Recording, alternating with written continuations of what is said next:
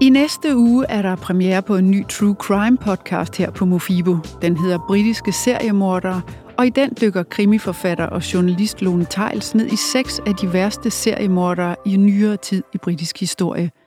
I podcasten fortæller hun om seriemordernes liv og baggrund, om deres ofre og om, hvordan samtiden har reageret på morderne. Hun prøver også at forstå, hvad der gør nogle mennesker i stand til at slå ihjel igen og igen. Lone Tejls har boet og arbejdet i London i 16 år, og hun har mødt en mor til et af offrene for det seriemorderpar, som premiereprogrammet i næste uge handler om. Velkommen, Lone. Tak skal du have.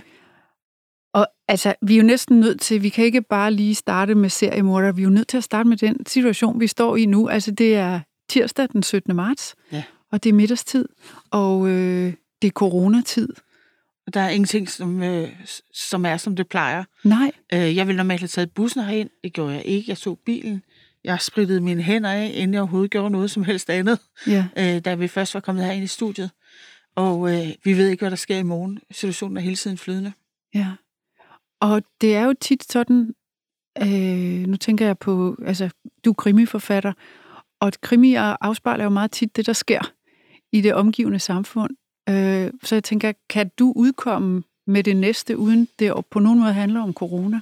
Ved du det allerede nu? Nej, det ved jeg faktisk ikke. Altså, øh, mine øh, krimier, de øh, plejer at være sådan lidt tilbage i tiden fra øh, der, hvor de udkommer. Altså ikke lige nøjagtigt samtidig. Jeg er vist lige ved at nå til Brexit i mine bøger, så...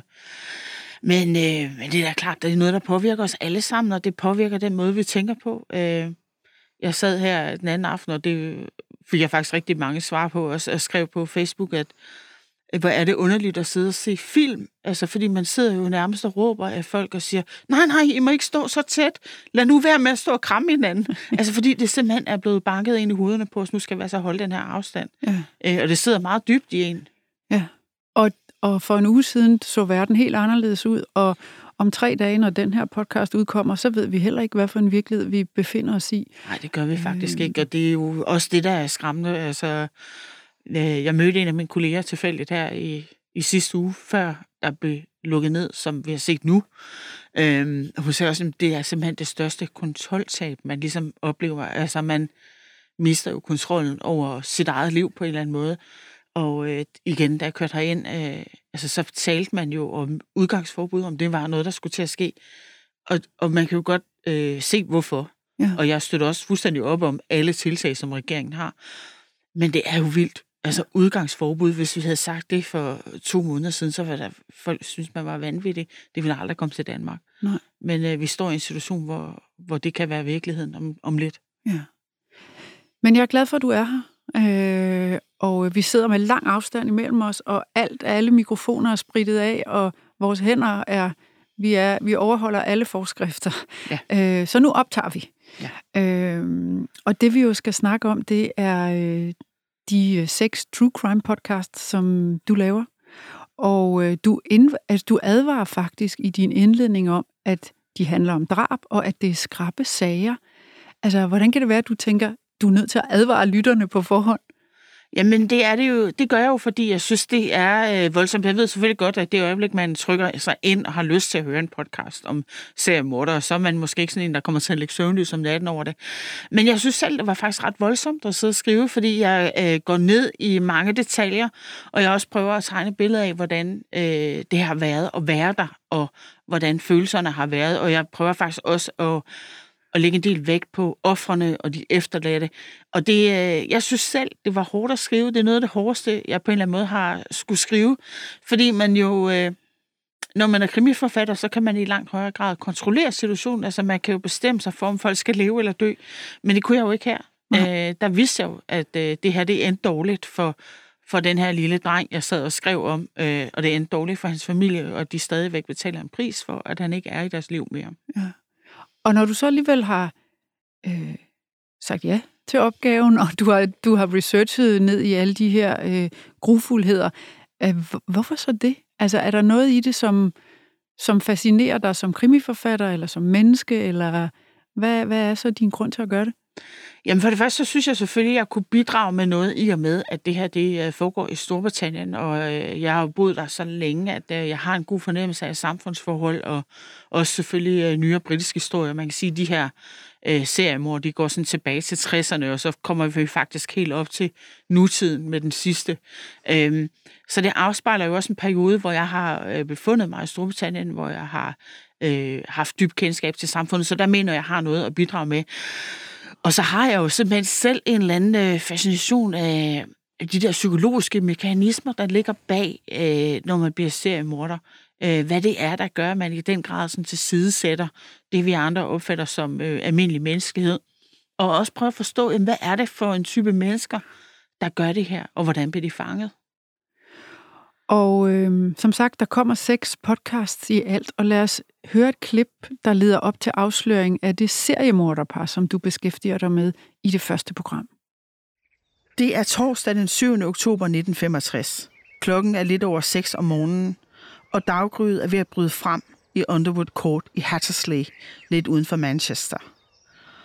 På tredje sal i en af de syv blokke, der udgør det sociale boligbyggeri, sidder der en ung mand – som har haft den mest forfærdelige nat i sit liv.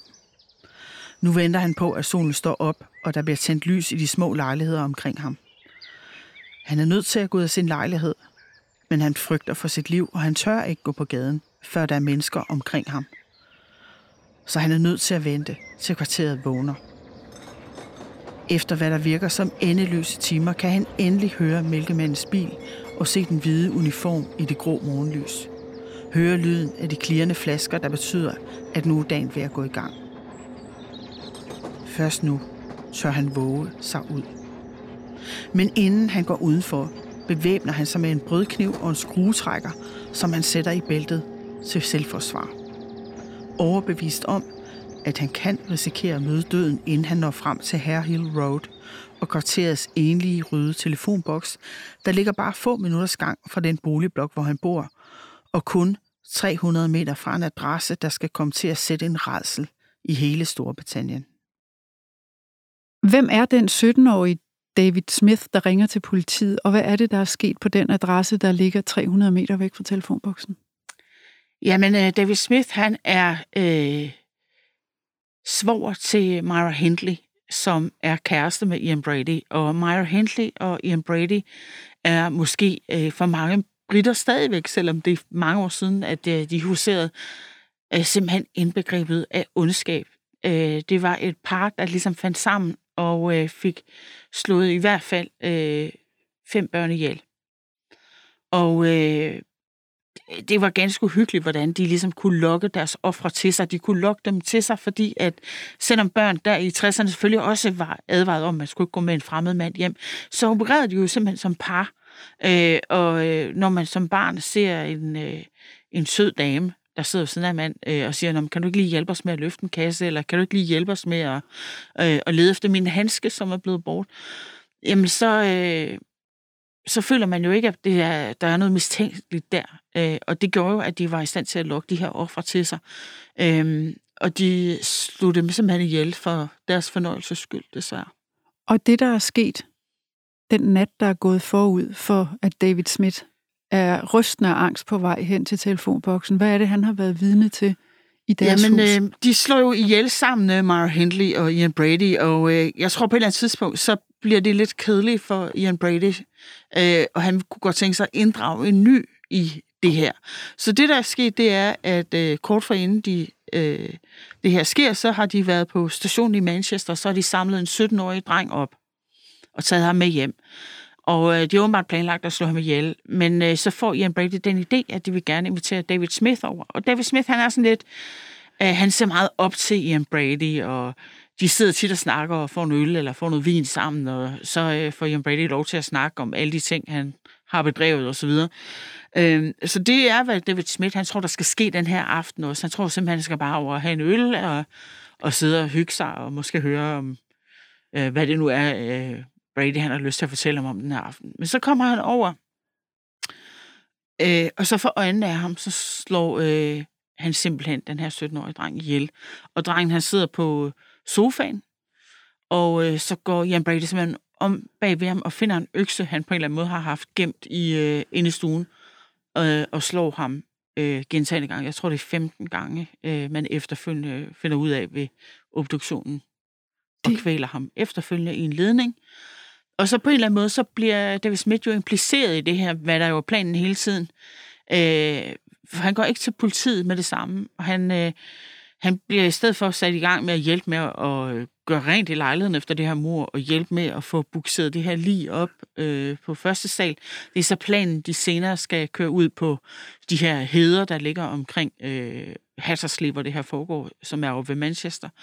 Øh, men det kommer så aldrig til at ske, fordi da han så endelig kommer tilbage der klokken 3 om natten, så er han simpelthen så rystet, og han kommer ind i lejligheden, og så går han direkte ud og kaster op.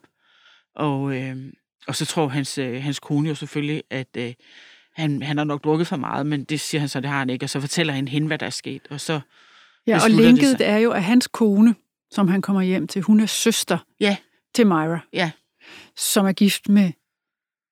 de er ikke gift med de er kærester. Ja. Øhm, og, øh, så det er familie, Med og det er selvfølgelig også ja. en af grundene til, at, øh, at han, han, øh, han i første omgang ikke eller mere politiet, og så selvfølgelig også, han er meget, meget bange for Ian Brady.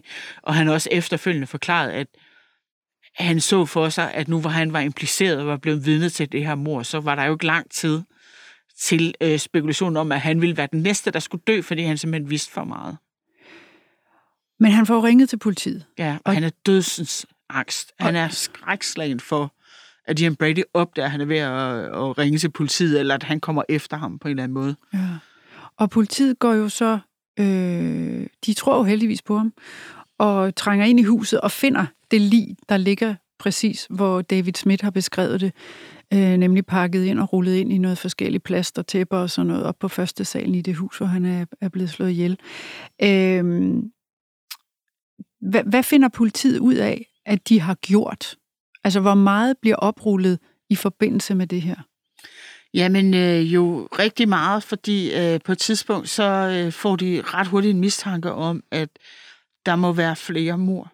Øhm, og øh, de øh, begynder så at lede, de, de øh, kommer via David Smith, så finder de ud af, at øh, der er to kufferter med ting, som øh, Ian Brady har gemt et eller andet sted.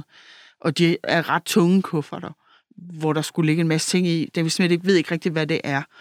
Øh, og derfor er de så ved solidt øh, politiarbejde faktisk opsporet, at de ligger henne i bagageafleveringen eller øh, på Manchester Central Station. Øh, og øh, de får fat i de her to kufferter, og der finder de så en del øh, bevismateriale, og finder også tegn på, at øh, der er flere mor. Og et af de mest uhyggelige fund, øh, de gør i den kuffert, det er øh, et spolebånd. Og øh, da de sætter det på, øh, så viser det sig simpelthen at indeholde øh, lydoptagelserne af et mor på en lille pige på 10 år. Ja, og det er så forfærdeligt faktisk. Ja, altså, øh, jeg har simpelthen ikke kunne... Øh, jeg tror nok, man kan måske finde det der øh, klip på nettet, men jeg har, det har jeg simpelthen ikke kunne gøre. Det har været alt nok for mig, øh, at jeg har siddet og læst en udskrift, og det, det er simpelthen så forfærdeligt. Altså, og, øh, og bare at høre de der gavede politifolk, som jo sidder og hører det, fordi de skal høre det, øh, forklare, at de sidder og græder, mens de hører det, og... Øh, det bliver også spillet i retten, det her bånd, øh, fordi det er jo en vigtig del af bevismaterialet, så det er ude i offentligheden, kan man sige, men øh, selv i retten, så er der simpelthen folk, der kollapser, og der er folk, der må holde sig for ørerne, fordi de simpelthen ikke holder ud og høre på det. Øh, og det er også ganske frygteligt, man kan sige, en af de politifolk, der beskæftigede sig med det, han, han øh, sammenligner det lidt med de her snuff-film, som vi kender i dag, altså hvor man optager øh, mod på nogen, og siger, jamen altså, det var jo, hvad de lavede der, bare med de tilgængelige øh, Ja. øh, tekniske Ja, hvor det, hvor ting, de det er havde. mennesker, der bliver slået ihjel for real. Ja. Altså, Så det er, det er meget voldsomt, og det gør jo også, at, øh, at det bliver ret nemt at dømme dem, kan man sige, fordi de her beviser, de ligger der jo. ja. Øh, og der er ikke noget. Øh, og det ender jo også med, at det fører til, at øh, man finder øh, livet af fire af deres offer, og det femte offer øh, har man så aldrig fundet. Og det er, fordi de samarbejder med politiet og fortæller, hvor de har gravet det ned? Eller hvor, hvor, hvor, hvordan stiller de sig til anklagerne? Øh, jamen altså, i første omgang, så er Myra, øh, hun siger bare, at jeg ved ikke noget, du må spørge Ian, og Ian Brady, han, han øh, tager faktisk langt hen ad vejen ansvaret for det her, men han hjælper ikke politiet særlig meget. Han, øh, han er meget øh, arrogant og meget øh, afvisende over for politiet, og synes, de er latterlige. Øh. Så den måde, man finder ud af, hvor de her øh, lige ligger, øh, det er faktisk sådan ved at prøve at finde ud af, hvor plejede de at komme. Man har fundet ud af så meget, at de nok ligger ude på de her The Moors, som man kalder de her hede områder, som ligger øh, i landskabet omkring, hvor de bor. Og øh, der finder man så ud af, at de tager faktisk tit på udflugter ude. Og der har de så en øh, pige, som bor længere ned ad vejen, som er 10 år, som heldigvis aldrig er kommet noget til, som de tit tager med øh, på de her udflugter. Og hun kan så hjælpe politiet med at sige, at vi plejer faktisk at tage herhen øh, til det her sted. Og hun ved selvfølgelig ikke, hvad tingene hedder og sådan noget, men så hun kommer ind i politibilen, og så hun siger, om det her, vi plejer at dreje, det her, det er. Og der begynder de så at lede, øh, og der går så faktisk heller ikke særlig lang tid. Og en af, en af de spor, de også bruger, det er, at øh, der ligger en masse private fotos øh, hjemme ved øh, Ian Brady og Mario Hindley. Og der er for eksempel et foto af øh, Mario Hindley, som sidder med en, øh, sin lille hundevalg, hun har fået, og smiler stort. Og når man så øh, ligesom øh, finder ud af, øh, hvor det er hen i landskabet, det her billede er taget, så kan man se, at hun sidder og, og smiler og kigger ned på, på et sted, hvor de har begravet en af deres ofre. Det er jo så ufatteligt. Ja. Øh, og hun er jo blevet kaldt øh, Storbritanniens ondeste kvinde. Ja. Øh, det her med, altså de opererer som et par, hvilket jo er usædvanligt. Og dit fokus i podcasten er jo også, at du vil gerne prøve at forstå de seriemordere, som du beskæftiger dig med. Altså finde ud af, hvordan, hvordan kan det komme dertil? Øh, hvordan kan mennesker gøre det, de gør? Ja. Og man mangler jo næsten ord for at beskrive, Ja. øh, hvor, hvor grusomt og øh, voldeligt og helt igennem forfærdeligt det er. Det er Hva- ganske frygteligt. Men hvad, hvad kan bidrage til at forstå de her, det her par? Jamen altså, som, øh, som de fleste nok vil gøre, så begynder man jo at kigge på deres øh, baggrund og deres øh, opvækst, og hvordan har de øh, levet deres liv frem til det her sker, øh, i et forsøg på at finde en eller anden form for forklaring på, hvordan de her mennesker kommer til det her punkt. Og jeg vil gerne understrege, det er jo ikke det samme som at tilgive og, f- og forstå på den måde, men, øh, men det, det giver bare en eller anden form for baggrund for, hvordan det kunne komme så vidt. Øh, og hvis vi først kigger på øh, Maja Hindley, så havde hun sådan en relativ normal barndom. Altså hun vokser op i sådan et, et lidt hårdt kvarter ved Manchester, men, øh, og der er ingen tvivl om, at hendes far han øh, banker både moren og børnene ved, ved, med jævne mellemrum. Og det, men det er altså stadigvæk på det her tidspunkt faktisk ikke unormalt i de her arbejderkvarterer. vi er midt i 60'erne. Ja, Ja. ja. Øhm, og, og, og altså, det, det er ikke en decideret grund. Øh, man kan måske også se, at hendes far havde hun ikke et særlig godt forhold til. Han er formentlig kommet hjem fra krigen med posttraumatisk stress, der aldrig rigtig er blevet behandlet. Øh, det gjorde man ikke så meget i dengang. Øh, så, så man kan sige, at hun har ikke haft en perfekt opvækst, men den har heller ikke været værre end så mange andre menneskers. Øh, og hvis man så kigger på Ian Brady, jamen så bliver han så født af en enlig mor, og det er aldrig øh, godt i Skotland på det tidspunkt, øh, hvor øh, der er sådan lidt højere moral, og, øh, og det har været det har ikke været nemt for hende, og hun øh, har ikke haft noget hjælp overhovedet, så hun har været nødt til at tage på arbejde, mens hun havde den her baby, og så har hun simpelthen altså efterladt babyen derhjemme i rigtig, rigtig mange timer. Øhm, og når man ved en lille smule om, om børnepsykologi, så, øh, så ved man jo også, at de her første øh, måneder, og måske de første par år af barnets øh, opvækst, er jo enormt vigtigt for at kunne føle noget tilknytning og noget, noget sådan helt fundamental kærlighed. Og der kan man jo godt spekulere på, om det simpelthen er gået fuldstændig i stykker i Ian Brady, fordi han har jo ikke efterfølgende vist nogen form for medfølelse eller anger, øh, eller noget som helst. Altså han har været meget fokuseret, kan man se, i løbet af sit liv på at opfylde sin egen behov, og ikke rigtig set det som øh, nogen hindring, at det vil gøre andre mennesker rigtig, rigtig ondt. Og det er jo faktisk også definitionen på psykopati. Ja, præcis. Altså, og og hvad, hvordan mødes de to? Altså, hvad, hvad ja. Jamen, de mødes faktisk på arbejde. Øh, Maja Hindley, hun får som ung øh, pige, så får hun sådan et øh, sekretærjob øh, på et lager, hvor han også arbejder. Øh, det er sådan en butik, eller sådan en virksomhed, som sælger kemikalier. Øh, og hun falder fuldstændig pladask for ham. Altså, vi har alle sammen prøvet den der kæmpe store kærlighed, øh, hvor man tænker, det river alt med sig. Især når man er ung, så føles det jo meget, meget stærkt. Øh, og det er den form for kærlighed, hun simpelthen føler. Øh, og, og man har jo efterfølgende fundet hendes dagbog, og hun er fuldstændig besat af ham. Så altså, alt, hvad der næsten står i den dagbog der, i dag talte Ian til mig, øh, jeg elsker ham, øh, i dag talte Ian ikke til mig, jeg hader ham. Altså de der store udsving, man har. Og hun prøver faktisk meget længe at, at fange hans opmærksomhed, og han er sådan meget øh, uinteresseret i hende i lang tid, før hun så finder ud af, at øh, han er lidt en særling, og han læser meget mere, end de ellers gør på det kontor. Der. Så hun begynder sådan at læse bøger og, og låne bøger på biblioteket, som hun sådan lader ligge frem på sit skrivebord. Det er sådan advendt til, at de sådan kommer i snak. Og det ender så også med, at han øh, inviterer hende ud at danse øh, til deres øh, julefrokost, og øh, der er hun altså så lykkelig, og, og efterfølgende inviterer han i biografen. Og så indleder de et forhold, men men igen, altså det er også et forhold, øh, når man tænker på, at hun var ret ung. Øh, hun har været sådan 18-19 år på det her tidspunkt. Øh, og meget hurtigt, så, så går det altså over til, at han øh, er til øh, banker hende. Han bedøver hende. Han voldtager hende, mens hun er bedøvet. Ikke bare øh, almindelig voldtægt, hvis man kan sige noget, der er det, men også analt. Øh, altså meget, meget voldsomt. Øh, Øh, og det, øh, det prøver hun ligesom at komme ud af på et tidspunkt, men, øh, men så begynder han at true hendes familie, så altså, hun er fanget i det her forhold, men når det er sagt, øh, så nyder hun det også. Altså, der, der, er et eller andet, hun, der er et eller andet ved Ian, som gør, at hun øh, gerne vil gøre ham tilpas, og, og det er jo også hende, der kommer til at hjælpe ham med at skaffe ofre. Øhm, og det virker som om, det er noget, de gør sammen, og hun har senere forklaret, at det føltes, at hvert mor føltes ligesom som en slags øh, ægteskabspagt, de havde med hinanden. Men er det hende, der er med til, fordi en kvinde jo ikke øh, i, i mange menneskers øjne er børnelokker eller børnemorder, så hun lokker dem til, og så er det Ian, der slår dem ihjel, eller er ja. hun også med til at slå dem ihjel?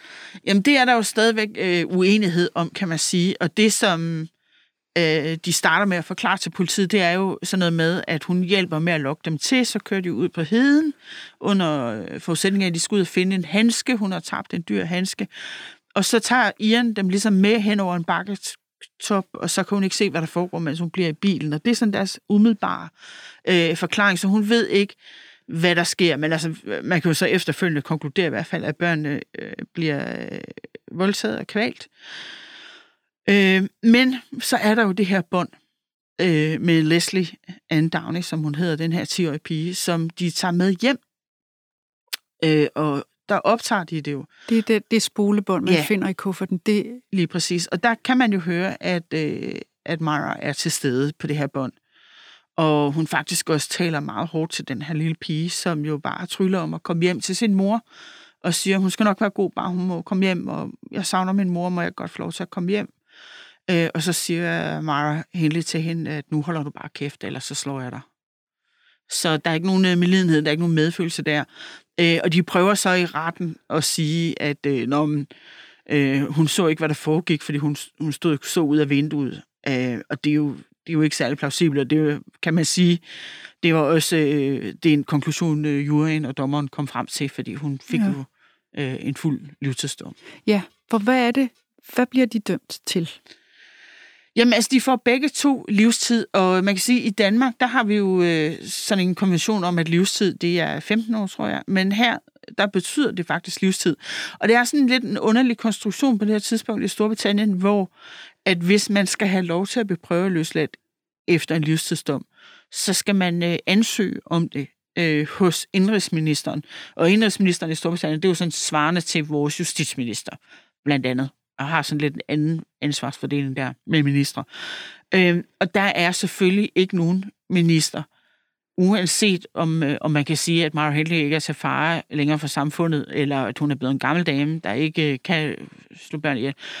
Øh, uanset det, øh, så er der simpelthen ikke nogen minister, der kan politisk holde til at sige, at selvfølgelig skal hun sættes fri. Øh, det, det kommer simpelthen ikke til at ske, og hun ender jo med at være i fængsel i øh, 35 år, og være den længst siddende øh, kvindelige øh, indsatte, man nogensinde har haft i Storbritannien. Og hun dør som 60 år i 2002, ikke også? Ja. Øh, I fangenskab. Ja, altså der, på et tidspunkt, så er der faktisk nogen i, i fængselsvæsenet, øh, som, som arbejder sådan meget for at få hende rehabiliteret, og, øh, og eksperimenterer med, at hun en gang imellem kommer ud øh, på Hampstead Heath, som er sådan en stor park i London, og bare får lov til at gå ud og gå en tur i det fri, selvfølgelig under opsyn. Øhm, og det er der en avis, der finder ud af, og det øh, udløser simpelthen et kæmpe ramaskrig, og, og den fængselsinspektør øh, eller direktør, som har tilladt det her, øh, står nærmest til at miste sit job på grund af det. Så der er meget, meget had i det britiske samfund mod hende stadigvæk øh, på det her tidspunkt. Og altså, der er simpelthen ikke nogen udsigt til, kan man sige, at hun øh, kommer på fri fod. Og, og det er jo en diskussion, hun selv er med til at rejse, også og hun skriver kronikker og indlæg til aviser og sådan noget, hvor hun siger, altså, det her, det kan jo ikke længere være præventivt. Nu er det jo bare hævn. Altså, og jeg har ændret mig, og hvis jeg ikke havde været under Ian Brady's indflydelse, så havde jeg bare været en almindelig kvinde, som var blevet gift og havde fået børn. Og hvad skete der med Ian Brady? Jamen, Ian Brady, han, øh, han kommer også i fængsel, og øh, han øh, ender også med at få en øh, diagnose øh, som psykopat.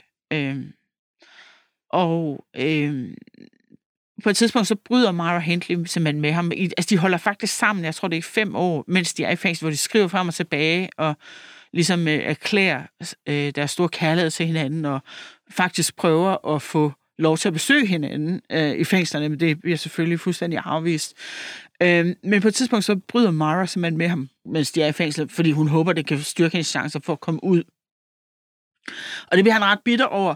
Øhm, så på et tidspunkt, så begynder han altså også at sende breve til øh, indrigsministeren og sige, du skal ikke lukke Mara Hindley ud, fordi hun var med til det hele. Øh, så han ender altså forklaring øh, på det, øh, og prøver at skade hende mest muligt. Øhm, og så er han jo også i kontakt med, øh, med flere af øh, de efterladte til de her børn. Fordi man finder i første omgang kun øh, nogle af line, og så går der altså 20 år, og så tilstår han yderligere to mor, og der finder man så line så lang tid efter. Øhm, og der er så stadigvæk en, en enkelt dreng, hvis øh, lige man ikke har fundet, og det kan vi vende tilbage til senere, men for at gøre hans historie færdig, så, øh, så dør han også. Øh, han, er, han bliver heller ikke så gammel. Han, øh, han ryger rigtig meget, og det øh, ender med at være hans død, og han har så efterladt meget øh, øh strenge instrukser om, hvordan han gerne vil have, at hans øh, bilsæl skal, skal foregå. Han vil gerne have et bestemt stykke musik øh, spillet. Øh, og det bliver simpelthen, øh, det bliver der fuldstændig set bort fra. Han øh, bliver brændt uden større ceremoni, og så bliver han dumpet ud for kysten i Birmingham kl. 3 om natten. Så der er slet ikke nogen højsidelighed. Og der er ingen, der ved heller, at, at det er det, der sker. Øh, den sidste dreng, som ikke er fundet. Ja. Og den korrespondence, der jo er mellem den drengs familie og Ian Brady, hvad er det, der foregår der? Jamen, det er jo utrolig hjerteskærende. Øh, Erik, han er, han er en dreng, der forsvinder, og det er så forfærdeligt, fordi det, der sker, det er, at han, han, øh, de har aftalt, øh, hans mor og ham har aftalt, at han skal overnatte hos sin bedstemor, som ikke bor særlig langt væk. Øhm, og så bliver han sendt afsted. Og han bliver altså så kidnappet på vejen. Øh, og det, der så sker, det er, at han kommer selvfølgelig hen til sin bedstemor, og så tænker bedstemoren så, om det kan være, det er mig, der huskede forkert, det kan være, det bare var i morgen, eller et eller andet, så der går rigtig lang tid før man ligesom opdager, at han er væk. Og der er det alt for sent, og det er det jo ret hurtigt. Altså, øh, man kan sige, de her børn bliver slået ihjel meget kort tid efter, at de bliver kidnappet, så om hun så havde opdaget det efter to timer, så havde det stadigvæk været for sent. Øh, men i hvert fald så bliver øh, Winnie, som hun hedder, Eriks mor, hun, hun gør jo alt for at få sin søn fundet, øh, og lever i uvidshed i rigtig, rigtig mange år, øh, før hun ligesom får en eller anden form for tilståelse af, hvad øh, der er sket med ham fra Myra Hindley og Ian Brady. Men stadigvæk, så siger de så, de kan huske, hvor at øh, hans lig ligger. De kan simpelthen ikke huske, hvor de har begravet ham. Og øh, politiet leder rigtig længe, men de finder ham aldrig. De har også Ian Brady med ude på heden, for at han skal prøve at udpege det. De har separat øh, Mara Hindley ude på heden, for hun skal prøve at udpege, hvor han ligger hen. Øh, og de har aldrig fundet ham, og, og det er forfærdeligt for hende som mor, at hun ikke kan få lov til at, at begrave sin søn. Jeg stødte på hende i Manchester, da jeg var til et arrangement med det konservative parti, som havde årsmøde, hvor hun, øh, hvor hun mødte op til en debat om øh, straf og forbrydelse. Øhm, og det var meget, meget rørende, fordi hun simpelthen øh, rejste sig op og spurgte øh, den retspolitiske øh, ordfører, om han ville arbejde for, at hendes søn blev fundet. Og han prøvede at tale udenom, og sagde, at det var jo dyrt og mange politiressourcer, og så begyndte hun simpelthen at græde. Øh, og vi sad, sådan, vi sad i sådan en gymnastiksal, vi var rigtig mange mennesker, og det berørte mig meget dybt, at, øh, fordi man kunne bare se, at hendes sorg, den var så dyb, så dyb, at det var, fuld, det var helt ligegyldigt, at hun stod her og græd foran alle de her mennesker, fordi det var ikke det, det handlede om. Det handlede om, at hun har brug for at finde fred og finde ud af, hvor hendes søn var, så hun kunne give ham et ordentligt gravsted, så hun kunne få ham hjem. Øh, det skete desværre aldrig nogensinde.